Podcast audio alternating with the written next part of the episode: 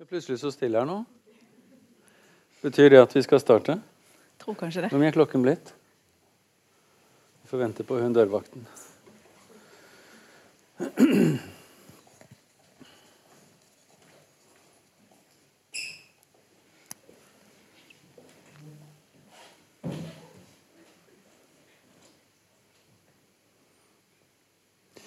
Ja, skal vi starte opp? Velkommen, alle sammen. Jeg heter Harald Alfsen og eh, leder denne serien på Litteraturhuset, som er organisert og, eh, og eh, på en måte dekket av Advokatforeningen sitt arbeid med å bringe juss til folket. Vi har holdt på her i Dette er 20. gangen. 20. rettsopprådet, og vi har i hvert fall 20 igjen å ta av. Så det er nok å snakke om. Jeg jobber vanligvis med anbudsrett, offentlig anskaffelse og den type ting. Men dette er noe jeg gjør på si. På si. Og selv om jeg bor i Bergen, så, så, gjør jeg det samme på Litteraturhuset i Oslo. Så dette er ganske stor satsing for Advokatforeningen.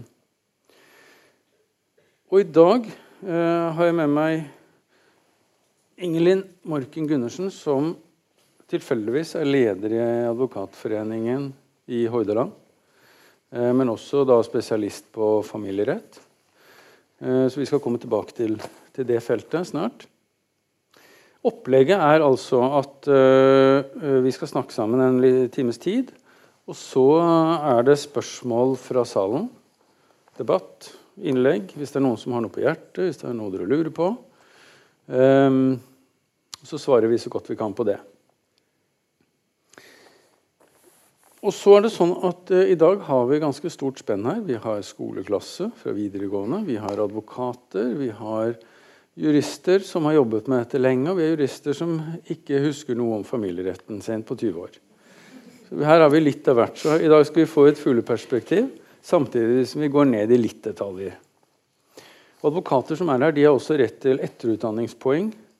Så de skal få en liste her borte å skrive seg opp på etterpå. Yes. Ingelin. Familierett. Mm.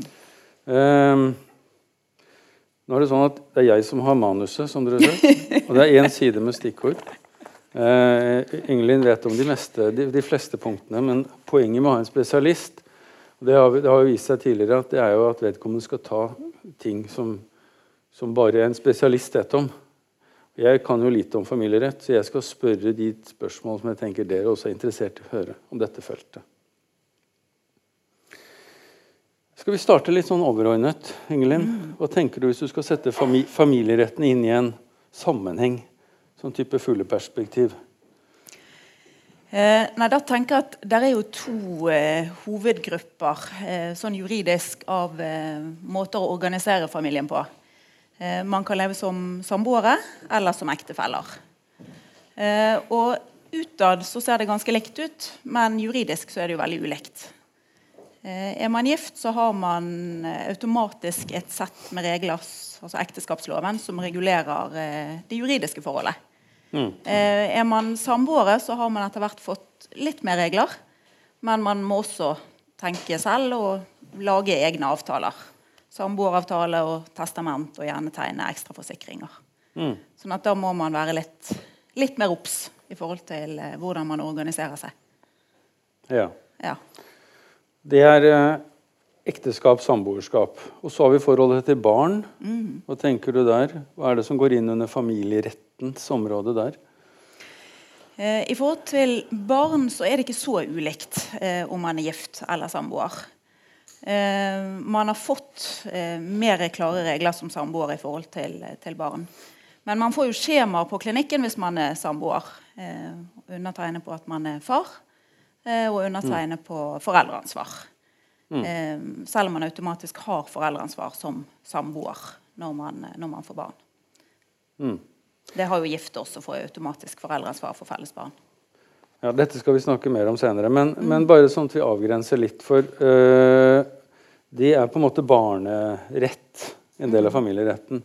Tidligere så har vi hatt barnevernsrett. Mm. Som jeg trodde lenge var samme greien, men det er noe helt annet. Mm. Barnevernsrett er noe helt annet. Vi skal ikke snakke om barnevern, men du kan jo si kort om Forskjellen. forskjellen. Ja. Eh, barnerett, som vi skal snakke om i dag, det er forholdet mellom foreldrene.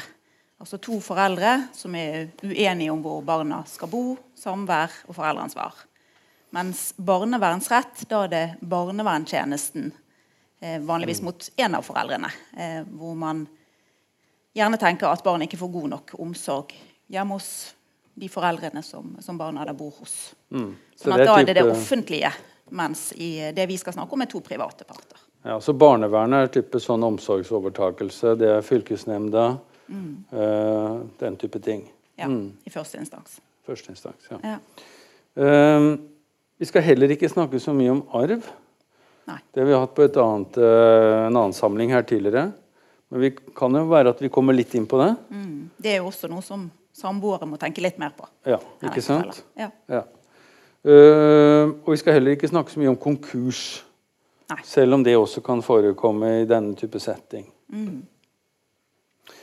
Aller først eh, vil jeg spørre deg, siden vi nå har eh, også skoleelever, så er det dette med Hvis vi starter liksom helt på toppen med, med juss og, og hva som er gjeldende rett, så er det altså to hovedforskjeller på det i Norge. Det ene er det som står i den store røde boken, altså lovfestet.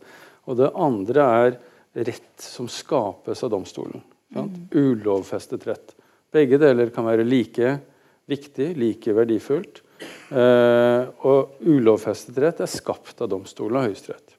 Spørsmålet til deg familieretten. Hører den hjemme i, i den store boken med lovtekster, forskrifter, eller i domstolsskapt rett? Eh, Jeg vil jo si at all juss hører hjemme begge steder. Eh, For det er vel nesten ingen områder hvor alt står i den store røde boken. For det skapes jo mye presedenser i, i Høyesterett. Og det gjør, det gjør man også i familierett. Eh, Men én barnefordelingssak har ikke på samme måte virkning for andre barnefordelingssaker. For alle familier er forskjellige, og alle barn er forskjellige. Eh, Men det er jo noen prinsipper som Høyesterett legger til grunn, og som vi bruker. Så det er en blanding av eh, på en måte ekteskapsloven og eh, rettspraksis Ja.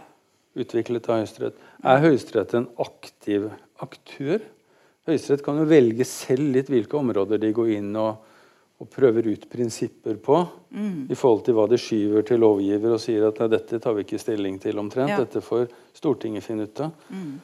har jo et eksempel på det i forhold til vederlagskrav for samboere. Eh, hvor gjerne den ene parten eier bolig, eh, den andre har puttet inn penger i form av oppussing, eh, og krever da vederlagskrav eh, når man går fra hverandre. Eh, det er jo et rettsområde som Høyesterett mer eller mindre har skjøvet tilbake til lovgiver. Det gis lave vederlagskrav, om man sier at dette bør lovgiver regulere nærmere. Men der er jo en del rettspraksis knyttet til samboere. Men der kunne det godt vært mer. For det er en del ting som ikke er avklart. Ja, dette vil jo da jusstudenter og uh, elever lære mye om. Som det heter domstolens rettsskapende virksomhet. Ehm, la oss gå tilbake til familieretten. Glenn. Eh, du snakket om ekteskap, samboerskap, sant? og du snakket om dette med barn. Ja. Hvis vi holder de to liksom fra hverandre nå, så begynner vi med det som går på ekteskap eller samboerskap. ja. Sant? Det er to forskjellige deler. Men hvis vi begynner med det som i hvert fall er i ekteskapsloven, da. Hva er måte Hva er et ekteskap, for å begynne der? Hvordan inngås det? Er det noen formalregler knyttet til det? Ja, altså det er jo formalregler i forbindelse med hvem som kan vie. Um, og det er jo noe um, Enten så går man på, på tinghuset, eller så går man i kirken. Og så er det jo uh, av vel humanetikerne også mulighet til å vie.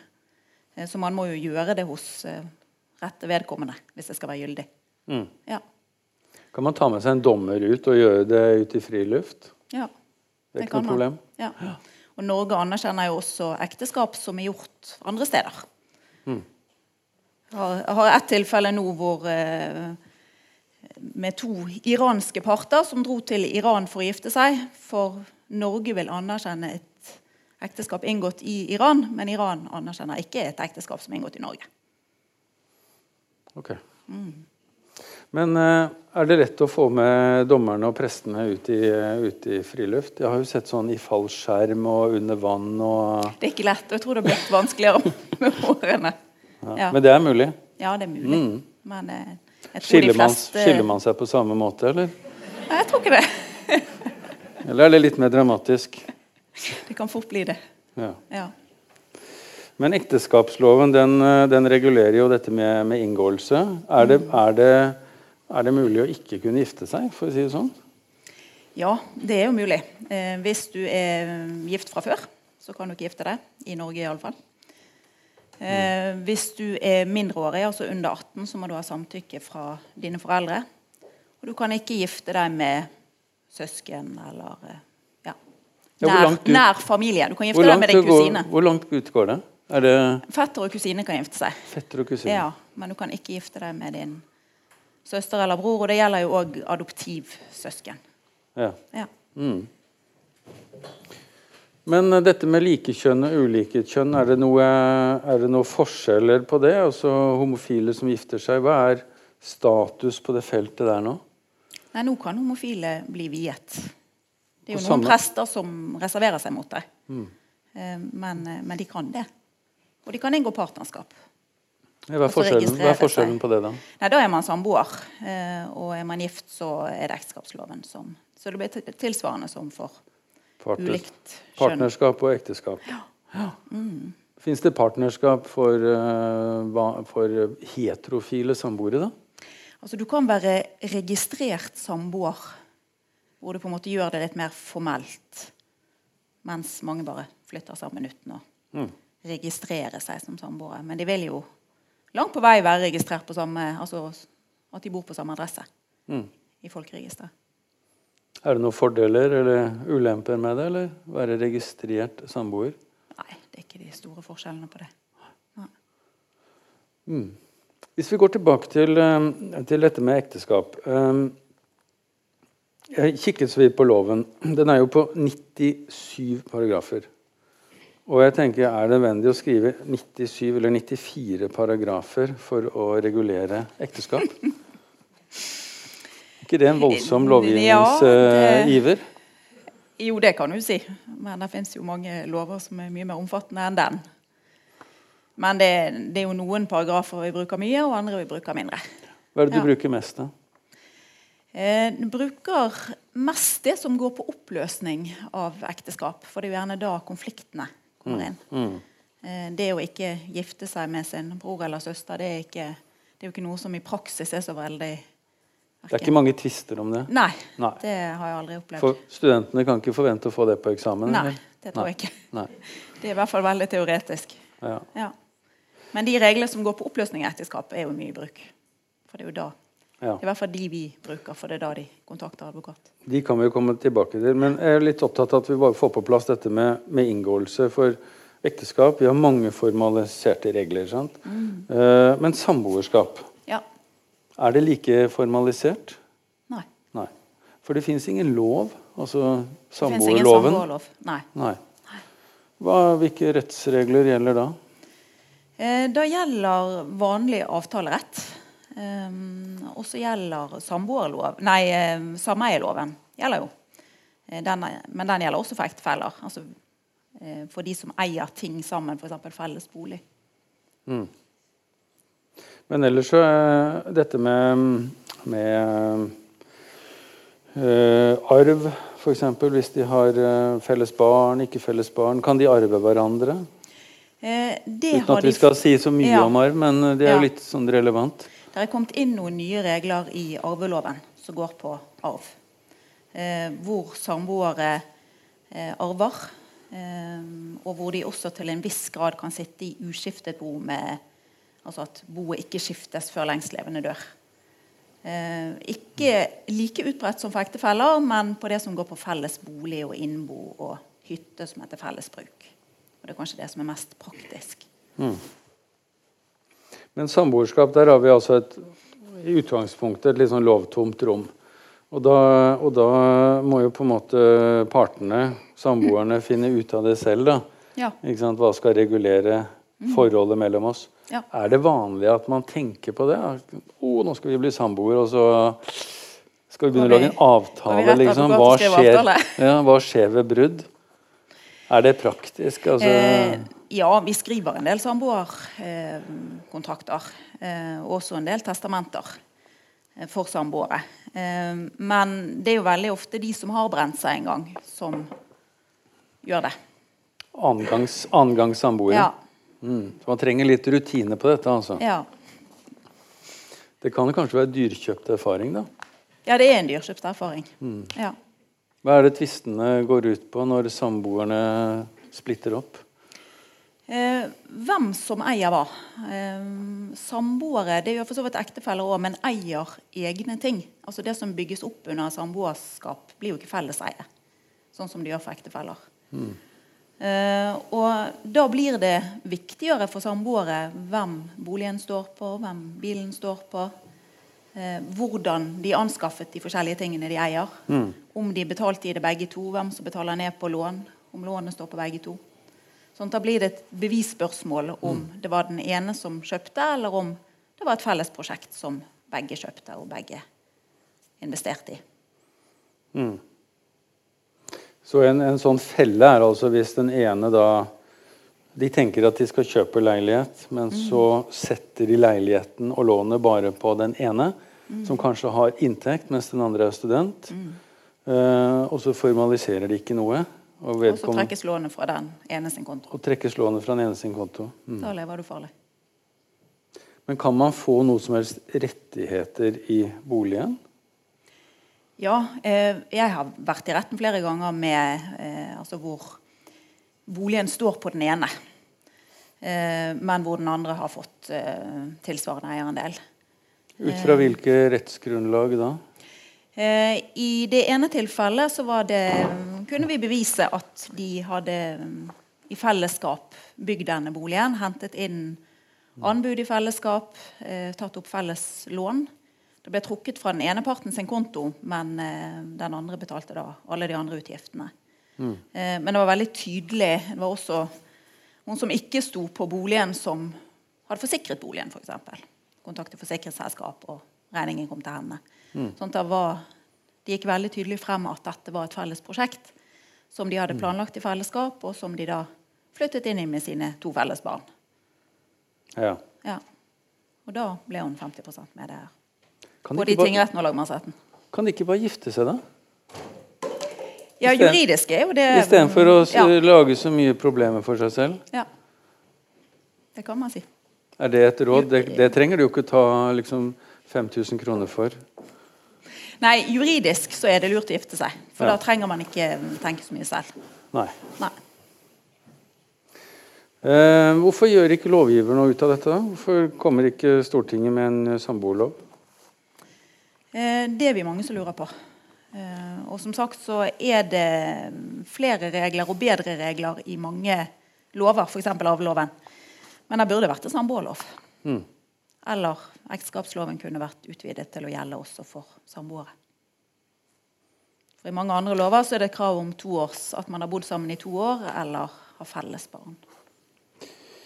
I, eh, I tidligere sånne møter som dette så har vi også kommet på nye ting som er spennende, og som egentlig bør uh, meldes inn til uh, regjeringa. Så det, nå må vi sette oss ned og lage et innlegg. Ja. Så om noen dager så vil dere se et innlegg i uh, Bergens Tidende om eh, advokater i Bergen som står på for ny lovgivning. Avtale. Yes. Du er jo faktisk medlem av det lovutvalget for familie i Advokatforeningen, er du ikke? ja. Så nå skjer det ting. Men har vi da dekket det som er viktig, tenker du, med dette med ekteskap og samboerskap? Altså ja, inngåelse å og si. praktisere? Men, eh, ja. Så rådet ditt er altså skriftlig kontrakt? Mm. Og det bør man gå til advokat, eller fins det på nettet standarder, eller Eh, det fins mange standarder på nettet. Eh, men det spørs litt hvor eh, enkel eller vanskelig familiebakgrunn man har.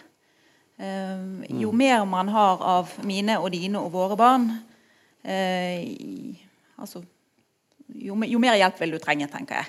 Eh, er man to unge parter som flytter sammen for første gang, og ingen eier så mye i utgangspunktet, eller eh, har eh, barn som ikke er felles, så, så er det enklere. Men eh, det blir jo det samme som, som alt annet man skal gjøre. Skal man eh, bygge bad, så gjør man ikke det selv. Nei. Nei, skal man, male, skal man male en vegg, så kan man gjøre det selv. Mm.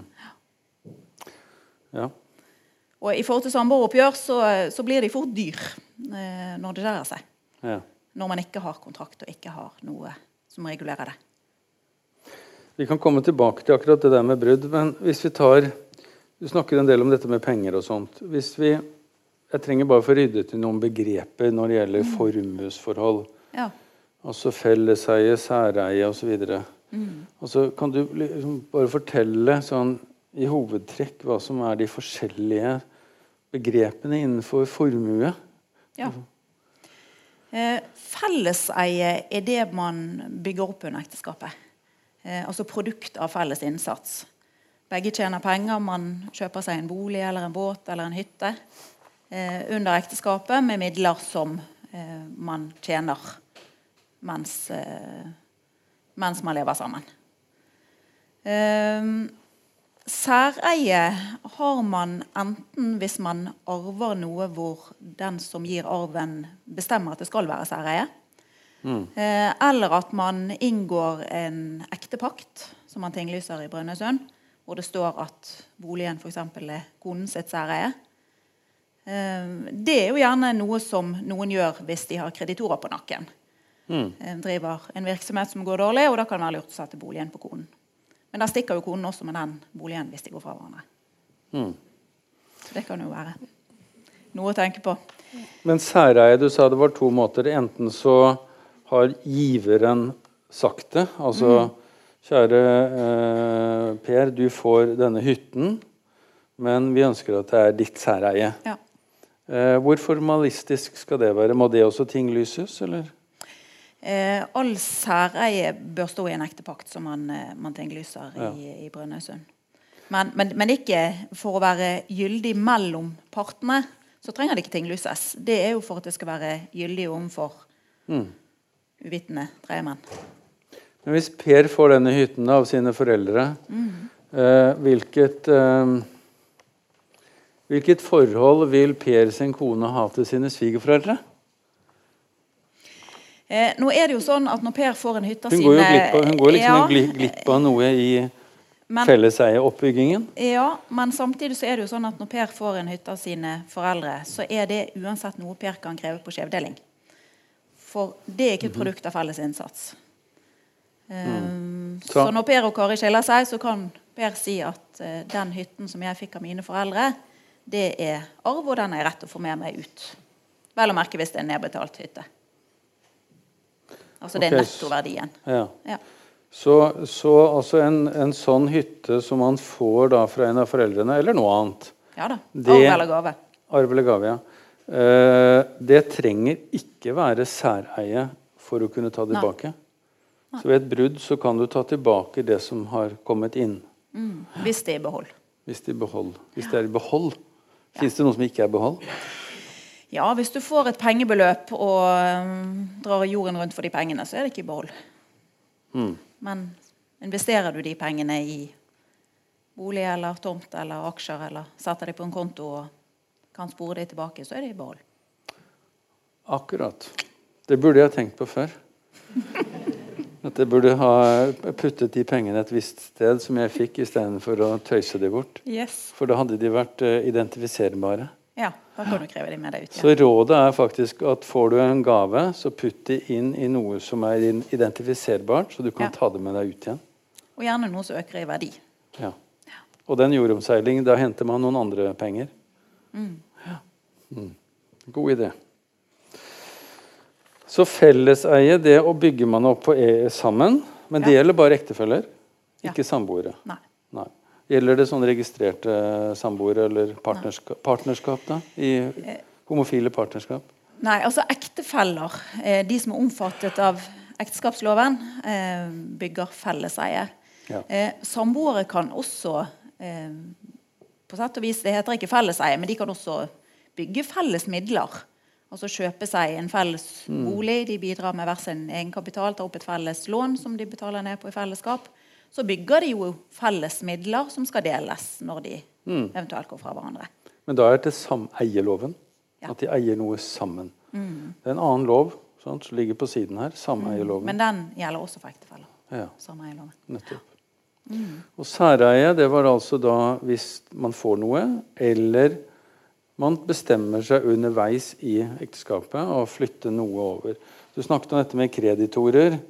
Og det leser vi jo av og til om i avisen, at man er på jakt etter penger, sant? og så er plutselig huset satt over på den andre ektefellen. Men er det noen sperreregler? Kan det gjøres rett før en konkurs? Nei det, det er omstøtelsesregler. Ja. Ja. Hvor langt er det?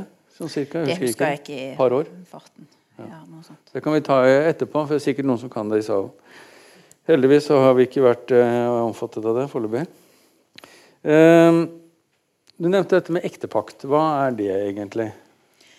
Eh, når man er gift, eh, så må man inngå avtaler som ektepakt for at det skal være gyldig. Eh, hvis man gir en gave til den andre ektefellen, og da Det er ikke snakk om bursdagsgaver.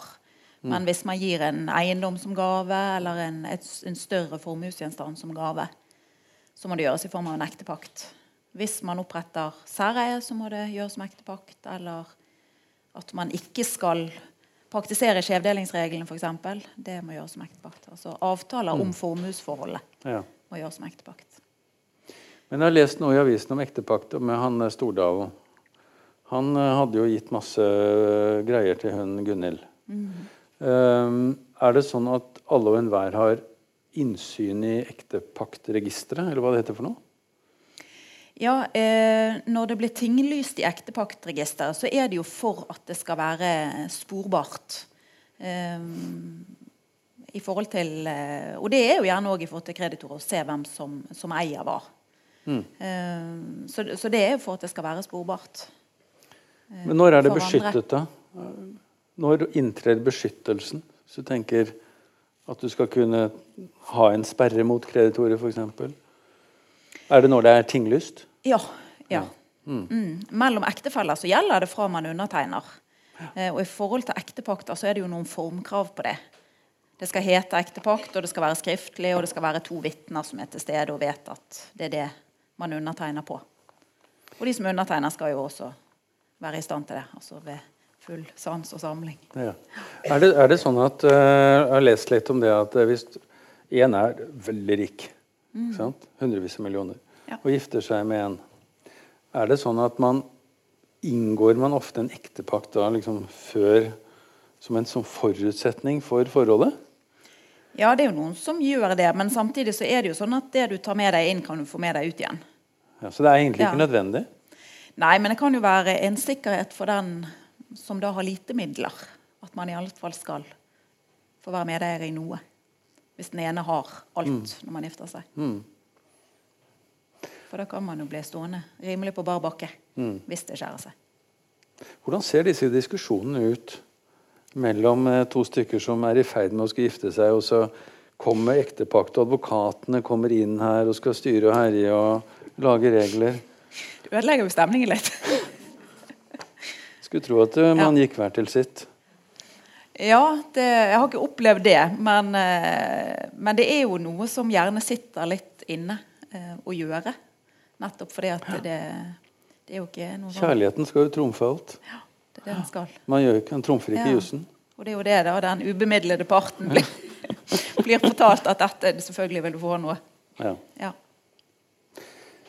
Nei, jeg må jo si at jeg, jeg har stor, stor respekt for dere som driver med dette rettsfeltet. For det er jammen ikke enkelt å sjonglere mellom masse følelser og både de lykkeligste øyeblikk og de verste øyeblikk. Og, ikke sant? Det er mye dramatikk, og så har du barn oppi det hele, som vi skal, snart skal snakke mer om. Det er jo veldig sånn Hva skal vi si Et vanskelig område. ja, og det er jo ikke I forhold til som næringslivsadvokater som Ja. eh, forhandler, og så går hver til sitt. ja. Ikke sant? ja, det er mye, mye følelser og mye Og det er jo ikke alt som oppfattes like rettferdig heller. Eh, og det er jo gjerne disse samboeroppgjørene og de vederlagskravene som er nevnt i sted. Så, så oppfattes det jo veldig urettferdig. Og det, men de burde ha tenkt på det. Sier du av og til til klientene dine at ah, dette burde du ha tenkt på før? Ja, de sier det jo ofte selv. Ja. At, uh, at vi, burde, vi burde gjort det. Eller jeg burde gjort det.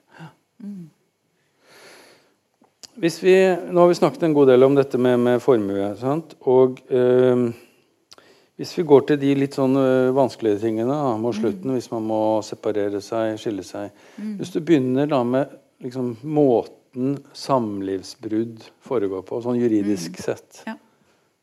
hvordan, hvor starter vi? Eh, når et felleseie skal deles, eh, så deles jo det på skjæringstidspunktet, som vi sier. Eh, og det er den dagen enten hvor en av partene flytter ut, eller det er blitt eh, begjæring til separasjon. Eh, og frem til den datoen så har man gjensidig forsørgelsesplikt og har et felleseie. Da, da skilles veiene, og da er det ikke lenger en felles økonomi. Så da skal vi finne hva man eide, og hva man skyldte den datoen. Hvor, hvor Skjæringstidspunktet. skjæringstidspunktet er. Og Og så er det, sa det det- som skal det, nettoen av det som skal deles. Ja, nettopp. Eh, Med unntak av skjevdeling og særeie. og- Ja. Ja. Men du tar skjærings, skjæringspunktet. Det er litt sånn dramatisk ord. Ja. Nå skjærer det seg, på en måte. Ja. Og det er da når den ene går ut døren. Ja. ja. Lyden min her, tror jeg. Det var den. Eh, men det er vel dokumenterbart for de fleste? ja, det er jo ikke alle som er enige om når det var. Og det kan jo de skulle være bare ha pause, f.eks. Ja. En pause. Kan vare lenge, den. Den kan vare lenge. Mm. Og så kan det jo komme noen beløp inn eller ut i den perioden som gjør at Ja, betyr noe. Hvilken dag dette var. Så det er ikke alltid man er enig om det. Hva med å sende mail, da? Ja. Nå er det skjæringstidspunktet. Nå er det slutt. Ja, det er da ved den praktiske delen. sant? Ja. Uh, og så har du ved Sa du ved søknad om uh, separasjon? Eller hva det Eh, heter? bevilgning. Altså Bevilgning. Først sender man inn en søknad, og så bevilger fylkesmannen Ja. separasjon. Og den datoen, den er datert. Eh, Det er da det andre alternativet. For noen begjærer jo separasjonen før de flytter fra hverandre. Og så får man den Ja, bevilgningen, og så flytter man sammen. Ja, de bor sammen selv om de søker om separasjon. Ja, Det kan jo være praktisk at den eneste kanskje Ja. ikke har et sted å flytte til. Sånn at man jobber med å finne en bolig eller ja. Sånn Jeg leste om han Jan Eggum her i avisen her forleden. Han, eh, han har jo skilt seg for n-te gang og eh, bor i Oslo. Men han, de hadde da bestemt at barna bor i leiligheten, mens Ja. han og hun eksen flytter ut og inn hver uke. Hvor praktisk er det? Det er mm, en del som velger den løsningen i starten. Eh, fordi at når man flytter ut, så har man gjerne ikke en permanent bolig som man flytter til. Eh, da flytter man gjerne inn i eh, en midlertidig leilighet som man leier. Eh, og så ønsker man gjerne ikke at barna skal vandre rundt i for mange forskjellige boliger. Sånn at da eh, kan det være en god løsning. At barna bor i boligen, og så bor foreldrene der annenhver uke, f.eks. Vi kan jo komme tilbake til det med barna om litt, men bare hvis vi må avslutte det med, med uh, avslutning av ekteskapet.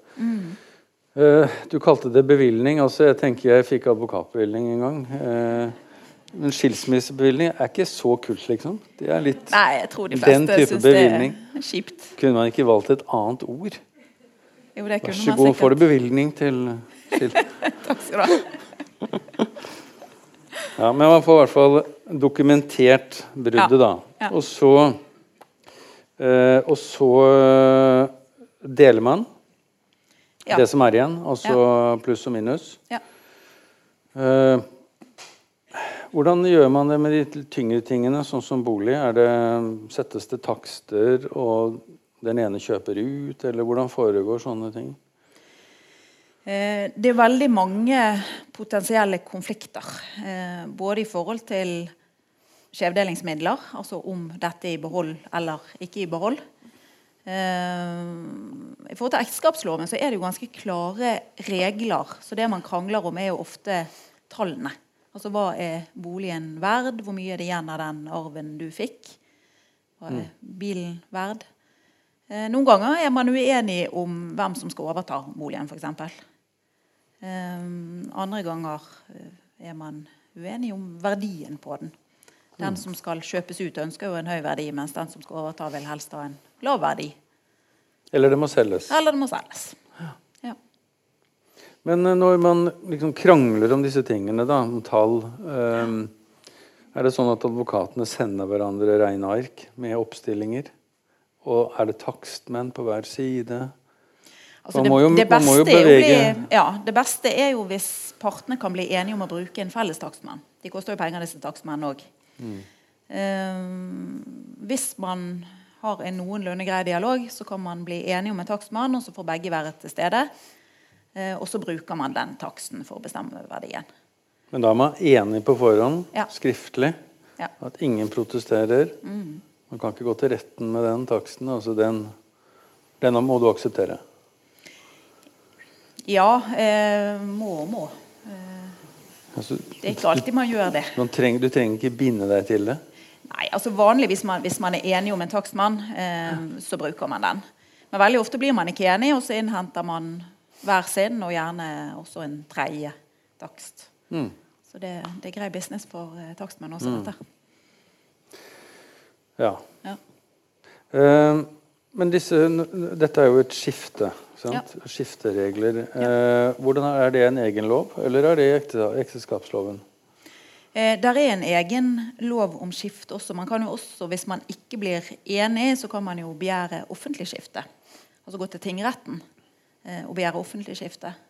Og da vil jo tingretten oppnevne en bostyrer, altså en tredje advokat, eh, som i praksis megler mellom partene. Eh, og det man ikke blir enige om på disse møtene hos bostyrer, det vil jo da foregå som skiftetvister, altså små rettssaker i tingretten. Hvor tingretten bestemmer. Mm. Ja. Så det blir en beslutning til slutt. Ja. Også, men det, man må gå til domstolen. Ja. Hvor vanlig er det at man tar skiftesaker til domstolen istedenfor å løse de? Eh, altså Sånn prosentmessig vet jeg ikke. Eh, det er jo mange som løser dette selv uten å komme til oss. Eh, og så er det en del vi løser eh, med en advokat på hver side. Og så er det en del som blir eh, brakt inn til tingretten som offentlige skifter. Så du kan skifte privat eller offentlig. Ja. Hvis du skifter offentlig, hvem er det som tar kostnaden i domstolen? Det trekkes av boet. Ja. Så partene må ut med De betaler sine egne advokatutgifter, og så betaler de halvparten av utgiftene til eh, den advokat nummer tre. Og gebyrene til tingretten. Det er dyrt. ja. Ja. Dette høres ut som det blir så mye penger at det lønner seg å bli enig ganske kjapt. Ja, men mindre det sto mye midler i boene. Ja. Og det er prinsipper. Ja. Ja. Hvis, hvis det er store bo eh, og stor uenighet, så kan det lønne seg. Eh, men eh, for små bo så er det ingen god idé. For da bruker man opp pengene i boet på å krangle om dem. Ja. Um, og da er det mange som sier at øh, Og de pengene går bare til advokater. Eh, men da tenker jeg Ja vel, og så, da? dere skal jo bli advokater, dere som sitter her. skal dere ikke? Nei, jeg bare tuller. Det bare et sidespor. Um, da har vi snakket om skifteregler, og da har vi altså at særeie, det går ut. Det kan man ta ut. Så har du skjevdeling, altså det som du hadde med deg inn, kan du ta med deg ut. Hvis det er i behold. Hvis det er i behold. Sant? Og så deler man resten på to. Ja, nettoen. Altså du må trekke fra, fra gjeld. Ja.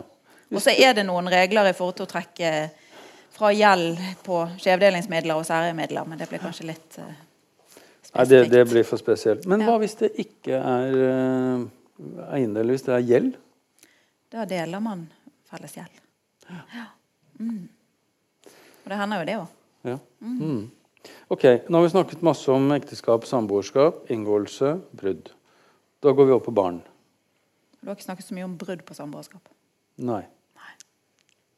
Det er litt annerledes. Gi meg en update. Brudd på samboerskap. Eh, hvis det er en eh, avtale, så eh, er vi heldige, så regulerer den mye. Der kan noen ganger også stå hvem som skal overta boligen. Eh, det kan stå detaljert hvordan de vil fordele det de eier. Eh, hvis det er en veldig god avtale. Eh, hvis ikke så faller vi jo ned på alminnelig avtalerett og på sameieloven. Eh, og så må vi finne ut av hvem, hvem eier hva. Hva eier hun, og hva eier han, og hva eier de i fellesskap, og eier de i så fall med lik brøk. Mm. For man kan jo eie en bolig med ulik brøk hvis den ene har gått inn med mye egenkapital, og den andre har gått inn med lite. Mm. Eh, og de eh, kan jo også ende i tingretten. Men, men da blir det jo ofte for å bestemme eierskap, f.eks.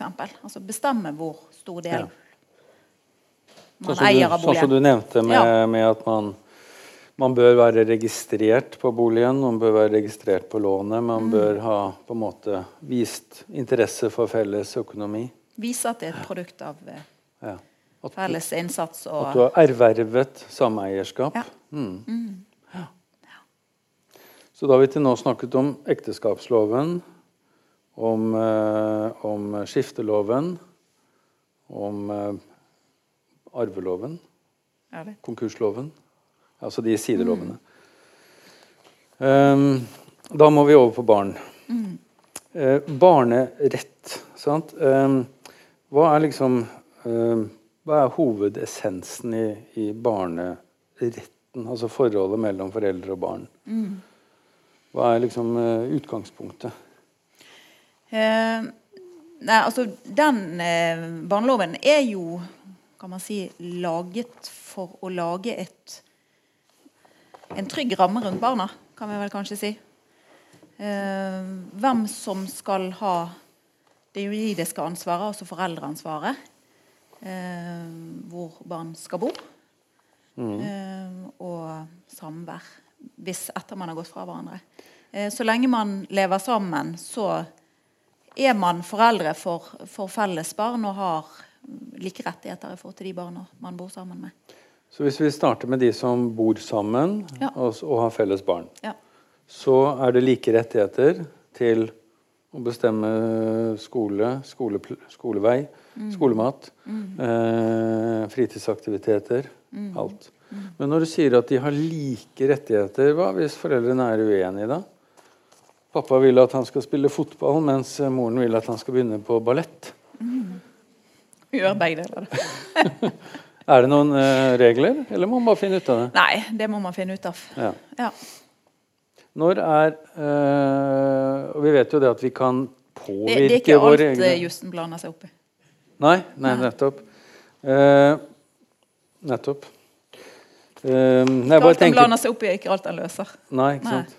Nei, men jeg tenkte på ehm, uh, I det øyeblikket man da skiller lag, sant? og så har du uh, varianter av rettigheter eller forholdet til barn. Hvis du går inn på jussen, da. Ja. Foreldrene går fra hverandre. Uh, hva, hva slags varianter har vi av på en måte, rettsregler, da? Ehm, nei, altså Hvis vi skal si de si, tre tingene som, som er viktige, så er det jo foreldreansvaret, som går på juridisk bestemmelse. Eh, altså rett til å melde inn og ut av trossamfunn. Begge må undertegne på pass, utstedelse av pass, f.eks. Hvis, eh, hvis barna skal ha det, og de har felles foreldreansvar. Samtykke til medisinsk behandling.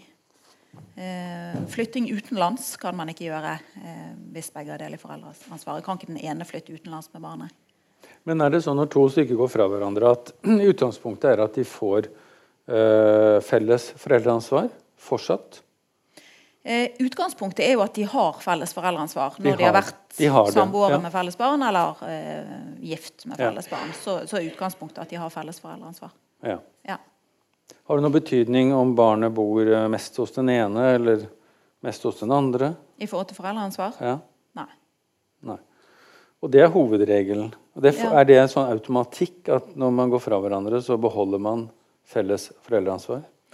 Eh, ja, man blir Altså, det må noe til for å miste det. Eh, Mm. altså, da må den ene kreve å få det alene. Eller så må man ha prøvd å drepe mor, f.eks. Dre, dreper man mor, så, eh, eller er tiltalt for det, så mister man foreldreansvaret. Man trenger jo ikke vente lenge i avisen for å lese om sånne saker. Nei, det er jo pågående sånne saker nå. Men, men er det da sånn at du sa det om pass? Altså man kan må være enige om pass? Ja, og det er en veldig praktisk ting. Ja. Eh, For eh, er man i clinch, og så skal den ene reise på tur, og så har man lyst til å forhindre det. Og da er det jo veldig effektivt å ikke undertegne på En effektiv sabotasje. Ja. Så Men- det er jo noe vi ofte prøver å få til. Ja. Ja. Men kan det slå tilbake på den som uh, saboterer? ja. Altså både det og i det øyeblikket du nekter å samtykke til medisinsk behandling, da er du i faresonen i forhold til å miste foreldreansvaret. Ja. For det, det går jo på hva som er best for barnet. Mm. Og, og saboterer du ting som helt åpenbart eh, er til det beste for barnet, og kanskje kan være skadelig for barnet i forhold til medisinsk behandling, så er du i faresonen i forhold til å, miste foreldrene. Men hva mener du med medisinsk behandling? Altså eh, Hvis barnet mitt er syk og jeg må til lege, han får, eh, eh, han får antibiotika, det, kommer det inn under medisinsk behandling? Nei, det er mer praktisk ved blodoverføring, f.eks. Eh, alvorlig syke barn. Eh, kronisk syke barn. Mm. Ja. Så eh, i utgangspunktet har man felles foreldreansvar. Og så eh, sier du at eh, Hvis man har bodd sammen. Men det er jo mange som får barn uten å ha bodd sammen. Nei. Huff. Skjer det òg? Det skjer, det òg. Ja, det har jeg ikke i manuset, så Nei. skjer det ikke. Nei, det, det har jeg. Det har du erfaring fra? det har jeg i mine saksmapper. Ja, det vil Ja. jeg tro. Okay. For da har man ikke automatisk del i foreldreansvaret. Hvis Nei. man ikke bodde med mor når barnet ble født. Hvem er det som foreldre, får foreldreansvar da? Da får automatisk mor det alene. Da må vi Men- skrive en ny artikkel i avisen. Det syns jeg var urettferdig. Men det er, mange, det er mange som på klinikken skriver under på at far skal ha det de foreldreansvaret. Mm. Og far vil ofte få det hvis han går til tingretten i ettertid og ber om å få det. Så det er ikke sånn at man ikke får det, men man får det ikke automatisk. Nei, Så da har far rett og slett søksmålsbyrde for Mm. å få felles ansvar. Ja. Men Men hvis det er jo ikke alle mødre som er like vrien på det. Nei. Nei. Men Hender det at de, ikke, at de skriver, eh, ikke skriver hvem som er far da, på fødestuen? Ja, eh, det gjør det nok. Det er ikke veldig vanlig i dag. De, Mm. de fleste ønsker jo en far, og at en far skal være deltakende. Men det er jo ikke alle som gjør det. Vi går tilbake til det med eh, Hvis man har brudd, hatt felles barn, og så blir brudd, og så har man hatt felles foreldreansvar en stund, og så vil den ene da ta et grep fordi man mener at den andre saboterer. Det, er ikke, det er ikke så upraktisk, ikke sant? Det skjer. Ja, eh, og det skjer jo når konfliktnivået er veldig høyt, sånn at samarbeidsklimaet blir veldig dårlig. Eh, og da blir det vanskelig. Eh, og som sagt, for noen blir det vanskeligere enn for andre. Eh, hvis man f.eks. har et kronisk sykt barn, og den ene mm, saboterer, kanskje egentlig for å ramme mor, men det er jo barna som blir skadelidende. Ja, Men er det ditt inntrykk at mange av disse tingene er for å ramme den andre? Ja, det er ofte det. Men så har du gjerne òg en far for eksempel, som bor utenlands, eh, som man ikke får tak i og ikke får kontakt med. Og da er det òg veldig upraktisk. upraktisk når barna skal ha pass, f.eks. Og der, denne faren får man ikke fatt i, og da får man heller ikke fatt i den underskriften. Mm. Sånn at det, det fins du- noen, noen fraværende foreldre òg Ja. som det er upraktisk at har del i foreldreansvaret. Men når du sier eh, at, eh, eh, at det er høyt konfliktnivå, eh, er det sånn at liksom det eh, sauses sammen, denne konflikten? For at du har en konflikt om barnet. Kanskje du også har, en konflikt om dette med formuesdelingen Ja. og andre ting. sant? Og kanskje barnevernet er involvert, til og med. Kan det være at liksom, det blir så komplisert og stort dette at det er en sånn verkebylle at man ikke kommer videre? Ja, det blir jo det av og til. Eh, og det er jo ofte en idé å få løst noe. Altså, det er lurt å få ryddet det økonomiske for eksempel, av veien. Mm. Der er jo enkelte som eh, kjøpslår litt med det økonomiske eh, i forhold til barna også. Og Gi fra seg penger for å få barna? Ja, og jeg tenker at det er en veldig lite tilfredsstillende ting. Jeg tenker at Det har, har ingenting med hverandre å gjøre. Eh, og Går man til tingretten med disse sakene, så behandles de jo helt separat. Da er det én sak om økonomi og én sak om barn. Det slås ikke sammen av tingretten. Ja.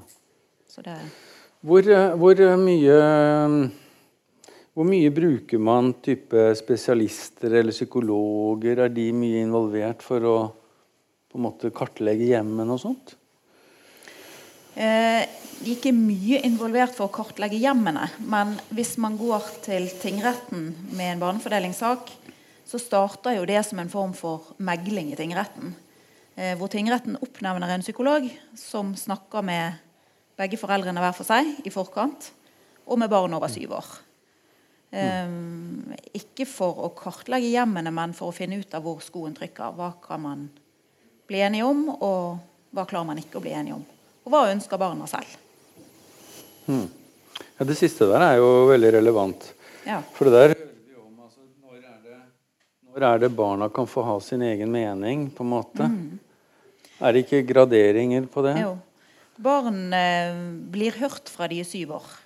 Noen ganger fem-seks òg.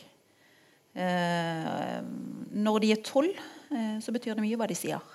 Og så øker det, altså Vekten av det de sier, øker med både alder og modenhet. Mm. Eh, og så gjør jo disse psykologene også en vurdering av om det barna sier, er det de egentlig mener. Eller om mm. de sier det en eller begge foreldrene ønsker å høre. Mm.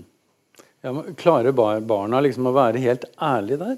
For de har, jo, de har jo lojalitet til begge foreldrene. Ja, det har de. Og, og hvordan vil de De vil jo ikke såre noen, og, med mindre de er mishandlet eller noe. Kanskje eh, ikke da heller? Nei, veldig ofte ikke da heller. Eh, barn har veldig stor lojalitet til sine foreldre. Eh, veldig ofte så er de rettferdige og sier at de vil være like mye hos begge. Eh, barn som opplever at den ene parten er mye svakere enn den andre, vil gjerne støtte den som trenger støtte. Altså den svake parten. Hmm. Um, er det barna sin jobb å være støttekontakt nei, for foreldrene? Nei, det er ikke det. Og det er jo akkurat det disse psykologene skal finne ut av. For det, for det skal de ikke være. Det er ikke, det er ikke, mor eller fars behov for å ha barna hos seg. Det er ikke, mm. det er ikke et argument som vektlegges. Ja, for det er barnas beste som ja. er liksom toneangivende i barneloven? Barnas beste og barnas behov, ikke foreldrenes behov. Nei. Ja. Men hvis vi da kommer dit at, uh, at domstolen bestemmer at barnet At man ikke lenger skal ha felles omsorg, da. Mm. Hva kalles det da? Hvis, hvis, det er den ene som skal ha det eneomsorg, eller? Eh, man kan jo bli enten enig eller gå til domstolene i forhold til hvor barnet skal bo fast. Eh, fast bosted er jo vanligvis hos den som eh, har barnet mest hos seg. Eh, men man kan ha fast bosted hos en av foreldrene og 50% samvær med den andre. Eh, de fleste som velger en sånn løsning, velger det som vi kaller for delt bosted. Eh, og det går jo på at da har man like rettigheter mm. til å bestemme disse dagligdagse tingene som man bestemmer om barn. Eh, den som har fast bosted, kan bestemme mer enn den som har samvær. Så, og det er jo også fordi at det er praktisk. Så hvis du har, eh, du har Enten så har du felles foreldreansvar, eller så kommer du til det som heter fast bosted. Nei. Foreldreansvar er det juridiske ansvaret. Ja, nettopp. Eh, bosted kan du ha delt bosted, like mye hos hver, eller du kan ha fast bosted hos den ene fast og samvær for den andre. Ja. Men når du har fast bosted hos den ene, ja. inntrer det da andre regler for foreldreansvaret? Eller praktiseringer i daglig. Dette med pass, f.eks. Nei. Nei. Det ligger på foreldreansvaret. Ja. Fast bosted går i forhold til valg av skole, så lenge det er vanlige skoler. Altså privatskoler går på foreldreansvar. Eh, mm. flytting innenlands kan du gjøre hvis du har barnet boende fast hos deg. Du mm. skal varsle den andre, men, eh, men du trenger ikke samtykke i og for seg. Det høres ut som man bør gå opp de juridiske mulighetene før man gjør noe overilet. Mm. Hvis ja. man bestemmer seg for noe, gå en vei. Ja. Men eh, hvis vi tar, eh, tar, det helt ut og sier at det er bare den ene som får fast bosted, fast bosted eh, den ene kan bestemme alt, hva kalles det da? Ja, hvis den ene kan bestemme alt, så har den jo foreldreansvaret alene. Ok, Så det går fra felles foreldreansvar til hva heter det? Eneforeldreansvar? Nei, det heter Nei. Det, Foreldreansvaret? Det Foreldreansvar. Ja, det er om eh, ja. man har foreldre. Og da har man f.eks. vært i domstolen og fått dom for det fordi ja. at den andre har sabotert bevisst og gjort Ja. ting som ikke er til barnets beste. Mm. Men da så lenge den ene har samvær, så kan man jo bestemme hva man spiser til middag da. Om man tar barna Mm. med på besøk til besteforeldre, eller om man Og det er også da den sin jobb å følge opp lekser og skolearbeid når Mm. barnet er på samvær. Sånn og det gjør man sånn som man vil. Spiser middag når man vil, og mm. følger opp på de aktivitetene som man Hvis du skulle liksom gi noen råd til eh, eh, Eller hva er det dine generelle råd hvis folk kommer til deg og har en sånn konflikt? Den ene, det er jo den ene forelderen som kommer til deg, regner jeg med, eller er det begge? Eh, begge foreldre kan komme til meg hvis de er enige. Altså Hvis det jeg skal gjøre, er å skrive det ned, Ja. altså lage avtaler. Det gjelder både økonomi og barn. Hvis de er enige, så kan jeg skrive en avtale om det de er enige om. Ja. Men er de uenige, så må de ha hver sin. For jeg kan ikke megle mellom dem. Nei. Nei. Hvordan, hvordan ser en sånn sak ut? Altså saksgangen din, liksom. Mm. Du får inn en uh, fortvilet, gråtende mor eller far Mm. uh, som ikke kommer noen vei, som må løse opp i det, som har Mm. tvist med den andre forelderen, og det går utover barn osv. Mm. Hvordan griper du det an, på en måte? Eh, det er viktig å gi riktige råd ut fra hvor de er. Eh, for jeg velger jo ikke hvilken side jeg står på. Eh, om det er en veldig velfungerende mor eller far. Eh, om det er en sak hvor de egentlig er ganske likeverdige, men de krangler i mine øyne om ting som kanskje ikke er så viktig. Om det er en dag mer her eller der. Eh, og så har man jo saker hvor den ene kanskje har begrenset kapasitet pga. fysisk eller psykisk sykdom, rusproblematikk, eh, andre ting, som, som gjør at det er ikke til det beste for barnet å være veldig mye der. Og kanskje ikke overnatte der, kanskje iallfall ikke være der halvparten av tiden. Sånn at eh, det er ofte viktig å gi riktige råd. Um, får jeg en rusavhengig som gjerne er på bedringens vei, og som gjerne har hatt et omfattende samvær tidligere. Altså, der er jo de som blir avhengige av tabletter etter eh, operasjoner, f.eks. Eh, og som får et rusproblem, men som gjerne har vært eh, alminnelig velfungerende med jobb og bolig tidligere, men som da er på et litt annet sted i livet.